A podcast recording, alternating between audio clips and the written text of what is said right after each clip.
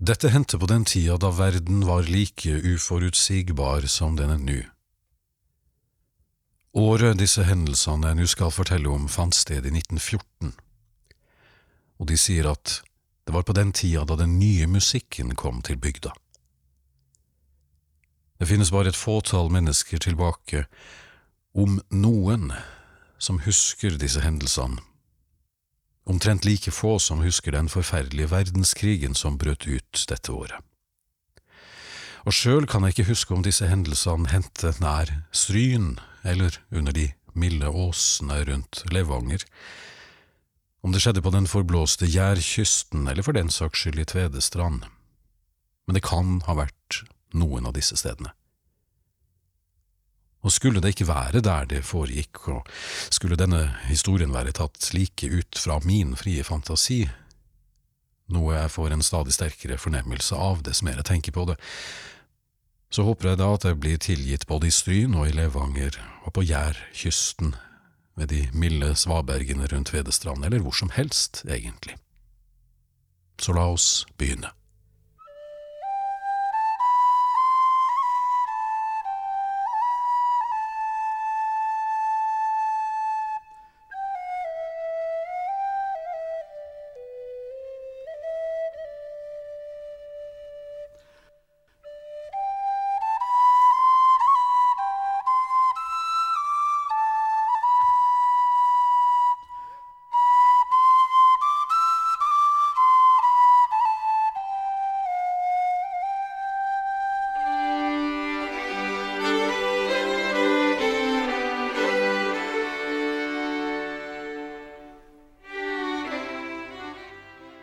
Kirken i bygda hadde vært det trygge stedet i århundrer, slik kirker var på den tiden. Sogneprestene fra tidligere tider hang dystre og piperøkende langs kortveggen på venteværelset i prestekontorets første etasje. De hadde blitt lenge i gjerningen, disse sogneprestene, derfor var det plass til dem alle på kortveggen. Ingen ville ha det annerledes i bygda. Sogneprestenes lange gjerning, kallet, var en betryggelse. Men én mann i kirkens tjeneste hadde overlevd hele tre sogneprester. Kantoren, kirkens musikalske oppsynsmann, hadde kommet til bygda en gang på midten av 1870-tallet. Og dette var, og er fortsatt, lenge for en kantor.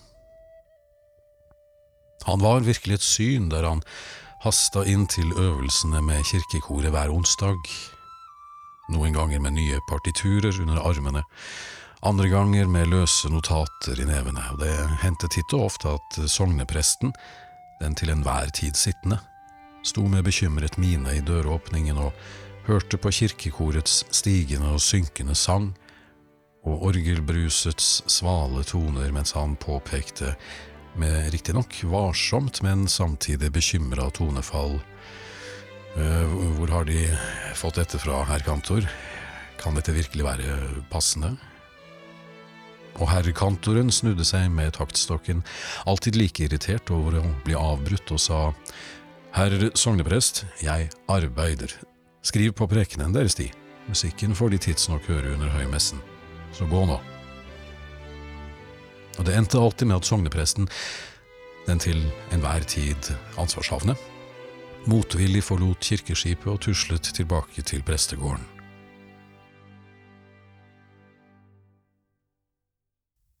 Og deretter fortsatte kirkekoret sine underlige toneøvelser under kantorens lave, brummende ledelse og ved neste høymesse satt kirkelyden forbløffet på benkeradene og hørte ukjente toner drønne ut fra orgelpipene.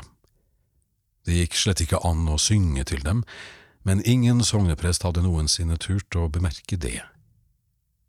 En kantor var tross alt kirkens øverste musikalske myndighet, innsatt i gjerningen av biskopen selv, like som sognepresten, og da fikk det bare være slik det var. Det var av en eller annen grunn i klokketårnet man kunne påtreffe kantoren utenom øvelsene. Høyt der oppe, i den iskalde trekken vinterstid, og med låvesvalene pipende og stupende utenfor sommerstid, satt han med sine oppstrekkete papirer og skrev nye arrangementer for kor og orgel, samt et flyktig mellomspill for en og annen trompet og en og annen harpe. Vinterstid med pulsvanter og frakken høyt kneppet. Sommerstid med halstørkle og opprettede buksebein. Han hadde avslått kontorplass på prestekontoret og sognepresten hadde ikke med sin beste vilje kunnet forstå at kantoren foretrakk klokketårnet. Men der oppe satt han altså, i en skinnstol inntil en gammel trebenk, bare en faretruende drøy meter fra den store klokkekåpens svingbane. Det var imidlertid ingen fare, kantoren var jo uansett ikke i tårnet mens klokkene ringte, da sto han selvsagt i kirkeskipet, iført frakk, og dirigerte koret, eller nervøse instrumenter inn mot den nye tidens liturgi. Det ble forresten snakket om hans flagrende frakk. Den var eksklusiv og silkeforet, sa de som en sjelden gang hadde sett den henge på prestekontoret. Og han hadde dessuten bowlerhatt, men den brukte han utelukkende til særegne anledninger, og den hatten var det få som hadde sett i bygda. Naturligvis hadde det sine ulemper å holde til i et klokketårn på den tiden. Antakelig var det like upraktisk den gang som det er nå. Murpussen flasset av, og et bestemt år, det er dette året denne historien handler om, hadde menighetsrådet enstemmig innstilt på et omfattende murerarbeid oppe i tårnet.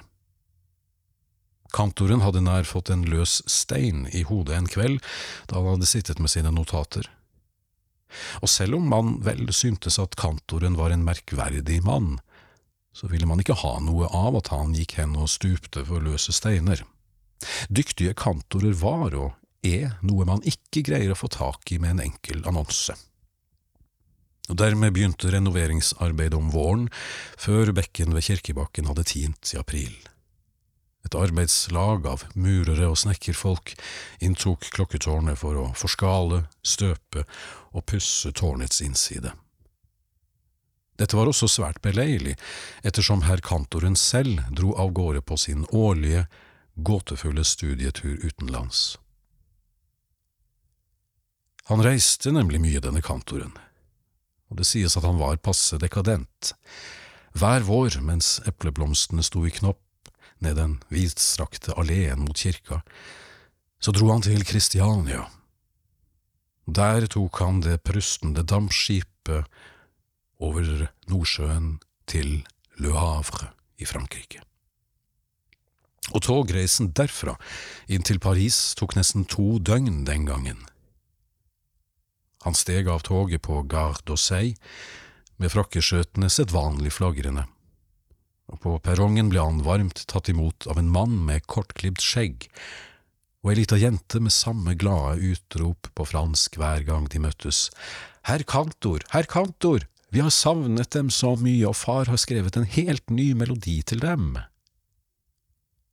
Kantoren bøyde seg ned og trakk den lille jenta tett mot seg og svarte på sin prikkfrie fransk. Og jeg har savnet dem, lille Chu-Chu. Bråker det gamle vegguret i værelset mitt like meget som vanlig, slik at jeg nesten ikke får sove? Det bråker slik det pleier, monsieur, men vil De fortsatt lese for meg om kvelden, vær så snill, monsieur. Ja, vi får se hva Deres far tillater, svarte kantoren. Ja, det skal det vel bli en råd med, svarte mannen med helskjegget og fortsatte med klang i den nasale stemmen. Ja, det er eh, riktig som hun sier, jeg har allerede det neste klart, så dersom eh, de ikke er altfor trett etter reisen, så går vi gjennom det i kveld. Kantoren nikket fornøyd, og den kryssende avenyen luktet allerede sommer. En ventende hestedrosje la fra seg en ruke, ble smattet i fart og tok det lille følget ut til utkanten av Montmartre. Og om det bare er fantasi, eller om det var virkelighet, det nystekte brødet, spettet med fiken, duftet alltid like innbydende hver vår når kantoren skrittet over dørstokken inn til sine vennlige verter. Og mens himmelen rødmet over Colincourt-gaten, så ble brødet dyppet i fyldig saus til kvelds, Forbipasserende hørte latter flyte ut av det åpne vinduet. Du vet den latteren som fyller kvelden når gamle venner møtes etter en lang vinter. Etter middag så gikk husverten inn til sin arbeidsstue. Hans kone skar opp kjøtt til neste dags måltid i grovkjøkkenet, mens gjesten i huset som sedvanlig ble sendt opp på kvistværelset med sin norske bok under armen, og der ventet den lille piken i sengen med frydefulle grøsninger langs de solbrente armene. Og kantoren leste både lenge og vel før han klappet boken sammen og sa Mer blir det ikke i kveld, Cho-Cho. Kantoren bredte dynen over skuldrene til den lille piken, hun var rød og opprømt over historien om buskete troll fra de store skogene i nord. Nå får jeg ikke sove, monsieur. Jeg tenker på gutten i fjellet, kommer trollet til å spise ham? Ja, jeg røper ikke mer før i morgen, nå må jeg arbeide med din far. Sov nå, Cho-Cho, sa kantoren og kysset piken på den varme venstre håndbaken. Hun snudde seg mot veggen og løftet hodet. Hør, far spiller. Han lager musikk til dem, monsieur Kantor. Far sier at han ser på meg og skriver, og det er til dem. Ja, det er til meg, og til kirken i nord. Sov godt, lille Cho-Cho.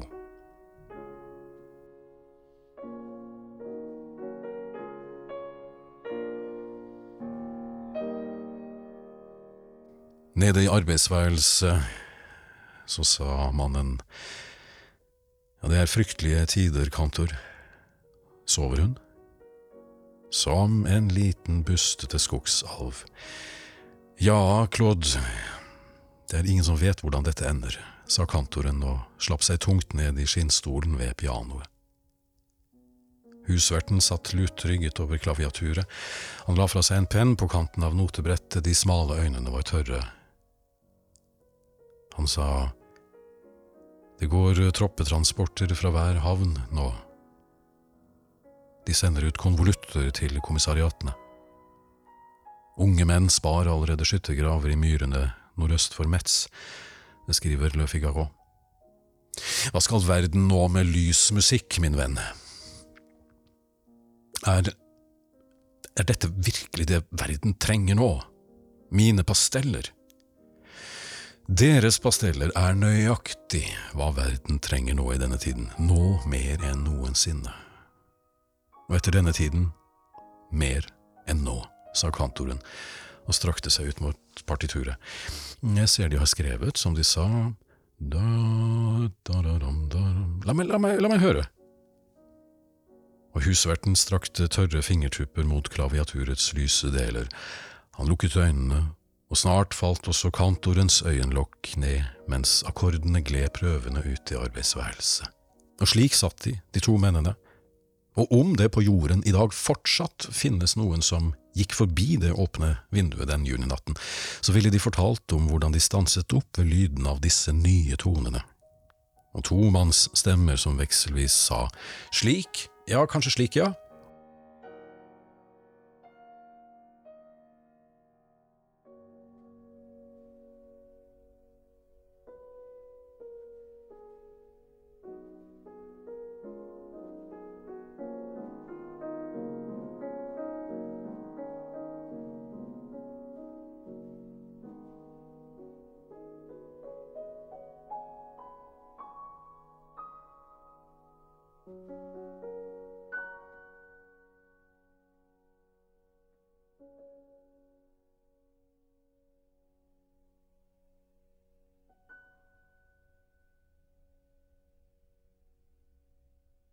Dampskipet fra Le Havre til Kristiania var sterkt forsinket. Lasteskipene lå tett langs leden, og provisoriske mobiliseringskontorer var snekret opp i havna. Kantoren sto på nederste dekk. Han så unge menn skritte i travle steg langs kaiene. De bar på skipssekker og matesker. Noen av dem hadde papirer under armen, ferdigstemplede og innrullert som soldater. Og visguttene, de ropte. Tyskland med ultimatum, England og Frankrike avventende, ropte en. Hva vil Russland? Les svaret i vår avis, skrek en annen fra en syklende konkurrent, som sprakk i stemmeskiftet. Gutten skrenset opp ved pullerten framme i dampskipsbaugen. Hei, monsieur, en avis på turen til Kristiania, ropte han og viftet med et sammenrullet eksemplar. Og trossene ble løsnet, dampskipet hadde fått klar haven, det gled sidelengs ut. Fra broa ble det dratt i signalhornet. Et pustende drønn skar gjennom havnedistriktet, lyden gjallet som hundre groteske valthorn. Avisgutten fortsatte å rope, han viftet med avisen, men kantoren kunne bare høre bruddstykker av ordene før skipet tverrvendte. Kanalen var grå og skumfylt, og det tok ikke lang tid før skipet la seg i en ujevn, kvalmende rulling mot nordøst. Kantoren ble stående lenge på dekk. Han kikket utover kanalens grå skumsprøyt, og en due fløy over skumtoppene, steg og ble borte. Kantoren kjente seg uthvilt. Han var vant til å reise. Håndverkere, den gang som i dag, kunne bruke både uker og måneder på å sette sluttstrek for påbegynt arbeid. Da høysommeren var på sitt mest dampende i bygda, og kyrne på jordene rundt kirken lå i gresset og viftet klegg med halen, så var arbeidet i klokkertårnet fortsatt ikke sluttført. Men Kantrun lot seg ikke nevneverdig merke av det, han hadde for lengst påbegynt arbeidet med høstens og vinterens kirkemusikk. Jeg er redd for at det gjenstår enkelte støpearbeider med den lave trappeveggen her oppe som de ser, så har snekkerne allerede lagt forskalingen. Murerne har lovet å komme i kveld for å fylle støpemasse, sa sognepresten, og kikket bekymret på notearkene som kantoren hadde brettet ut på skrivebordet i tårnet. Vil de ikke heller arbeide i dagligstuen i prestegården så lenge? De skal ha takk, men jeg sitter utmerket her i sommervinden, svarte kantoren og myste langs linjene. Sognepresten heiste seg opp på skotuppene og lot blikket skli over partituret. Det er uh, urolige tider på kontinentet, kantor. Tyskland erklærte Russland krig i forrige uke. Hva står det her? La, la fi og chevaux du Ja, det, det er da en salme jeg ikke kjenner, sa han prøvende og ventet på svar. Noe svar kom ikke. Noen av de mest trofaste i menigheten spør forsiktig om vi, om vi har mistet eh, herr Petter Dass og Landstad her i kirken, fortsatte uh, sognepresten nervøst. Jaså, svarte kantoren. Ja, De vet, vår Gud, han er så fast en borg og slike ting, vi spiller jo ikke slikt mer nå. Ja, det ser i det minste ut til at det har gått en besvergelse i kirken, den er et gammelt hus. Svarte kantoren børstet murpuss fra bordkanten og fortsatte sine notater for orgel og harpe. Mer ble det ikke snakket om den saken. Senere samme kveld ble det som presten sa, murerne heiste bøttene med sement opp og ned i klokketårnet, tømte dem i de midjehøye forskalingsrammene, og det ble ikke fred i tårnet før låvesvalene i skumringen suste rundt værhanen og fanget nyklekkede steinfluer som steg opp fra bekken. Men kantoren arbeidet like flittig med sine arrangementer. Det fortalte murerne som hele kvelden til ende svingte og heiste bøttene i taljene fra taket.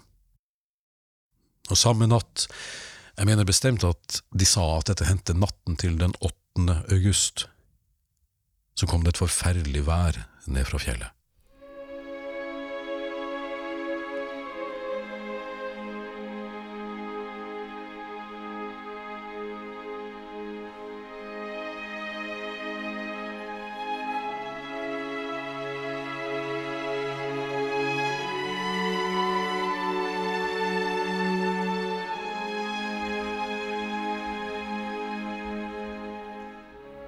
Åsene i vest var plutselig omgitt av et djevelens styggvær som brølte seg gjennom dalføret. Rognetrær og popler veltet og sperra gårdsveiene. Kyrne drev vettskremte rundt i blinde i de sviende hagleskurene. Bekkefaret este ut til en flod som fløt opp langs hveteåkrene, og i de mørke stuene ba folk en stadig høyere bønn om nåde mens uværet drev som et remjende dyr over gårdene. Ved totiden på natten kunne man høre kirkeklokkene slå uregelmessige svingslag. Stormen suste nemlig tvers gjennom det åpne klokketårnet og satte fart i klokkekåpene, og den dype og uhyggelige klokkeklangen blandet seg med den ulende regnstormen og kunne høres tvers gjennom sognet. Som en siste innkalling til dødsmesse. Stig om bord. Det er Herren som kaller deg. Bunnløse synder har funnet sted, og i natt skal noen hun gjelde. Stig om bord, stig om bord.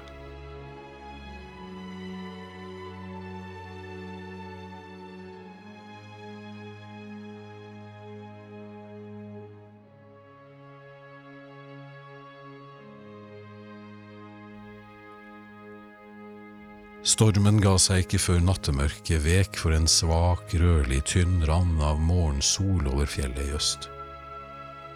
De våte åkrene lå med knekte aks, og den dyrebare høst, hveten, måtte gå til dyrefòr dette året. Likevel mente folk at de hadde kommet velberget fra uværet med Guds nåde.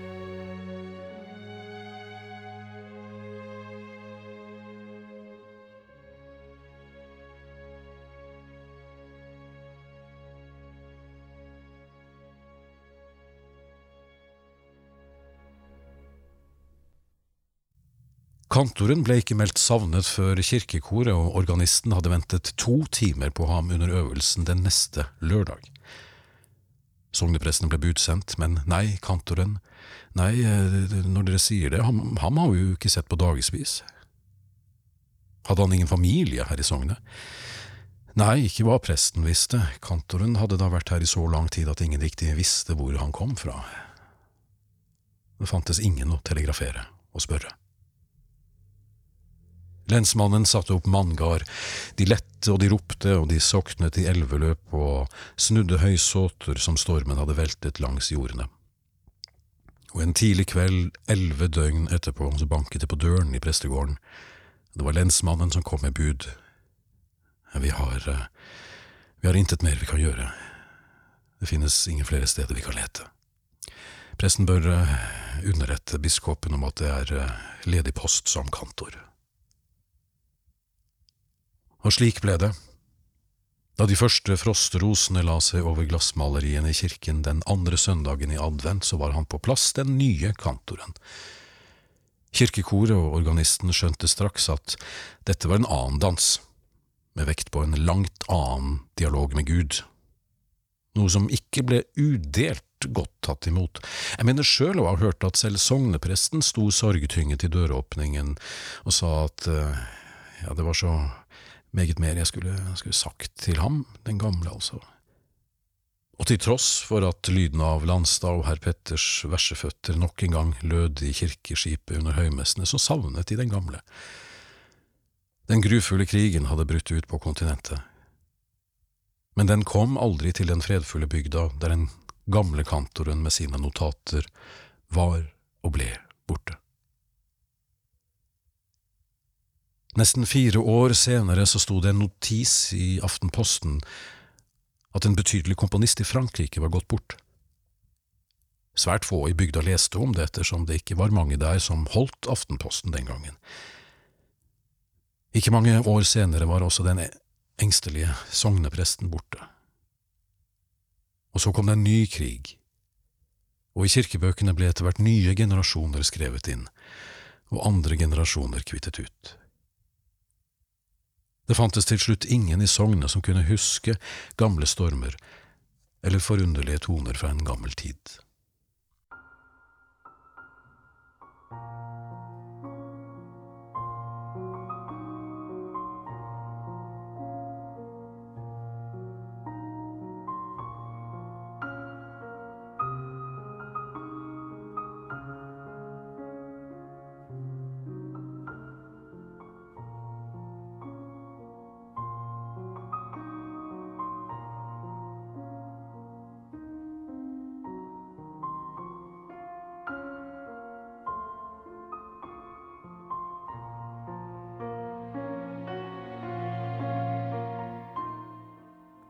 At offentlige bygg stadig trenger vedlikehold, det synes å være noe myndigheter har glemt til alle tider. En gang på midten av 1950-tallet, etter en julemesse, så kom klokkeren ned til sognepresten som sto i sakristiet og skiftet til dress etter gudstjenesten. Klokkeren sa jeg tror vi må be om en oppussing av både klokketårnet og vindeltrappen. Murpussen den flasser av, og jeg må rapportere om en ja, jeg må rapportere om en besynderlig sak i den lave trappeveggen, sa han. Jaså, sa sognepresten og brettet sammen messekåpen. Ja, jeg, jeg, tror forresten du har rett. Ifølge papirer jeg har sett, så har ikke kirken vært vedlikeholdt siden 1914. Hva mener du forresten med besynderlig sak? Jo, jeg Jeg kan jo naturligvis ikke være helt sikker. Men noe av betongen på trappeveggen har løsnet. Og jeg Ja, jeg, jeg syns så tydelig at det sitter en sko loddrett i veggflaten, sa klokkeren og rettet på slipset. Hva slags sko? spurte sognepresten med stigende interesse. Ja, det virker som om det er en herresko. Eksklusiv utførelse. Sålen er av meget god kvalitet, men, men hva verre er Ja, jeg mener også å se et buksebein som, ja, som fortsetter inn i murverket, sa klokkeren og, og pustet varme i hendene. De to mennene vekslet blikk. Hvem som deretter tok affære, er ikke godt å si. Men da langfredagsmessen drøye tre måneder senere ringte inn, så var det utført et forholdsvis amatørmessig klattverk av et murerarbeid i klokketårnet og det gikk ingen byggteknisk sluttrapport verken til kommunens tekniske etat eller til bispekontoret. Noe som selvfølgelig både er og, og, og, og var sterkt beklagelig sett fra et offentlig forvaltningsperspektiv. År om annet så skjer det fortsatt uautorisert murerarbeid i dette klokketårnet, der ytterskjålen på en herresko med jevne mellomrom kommer til syne i murpussen.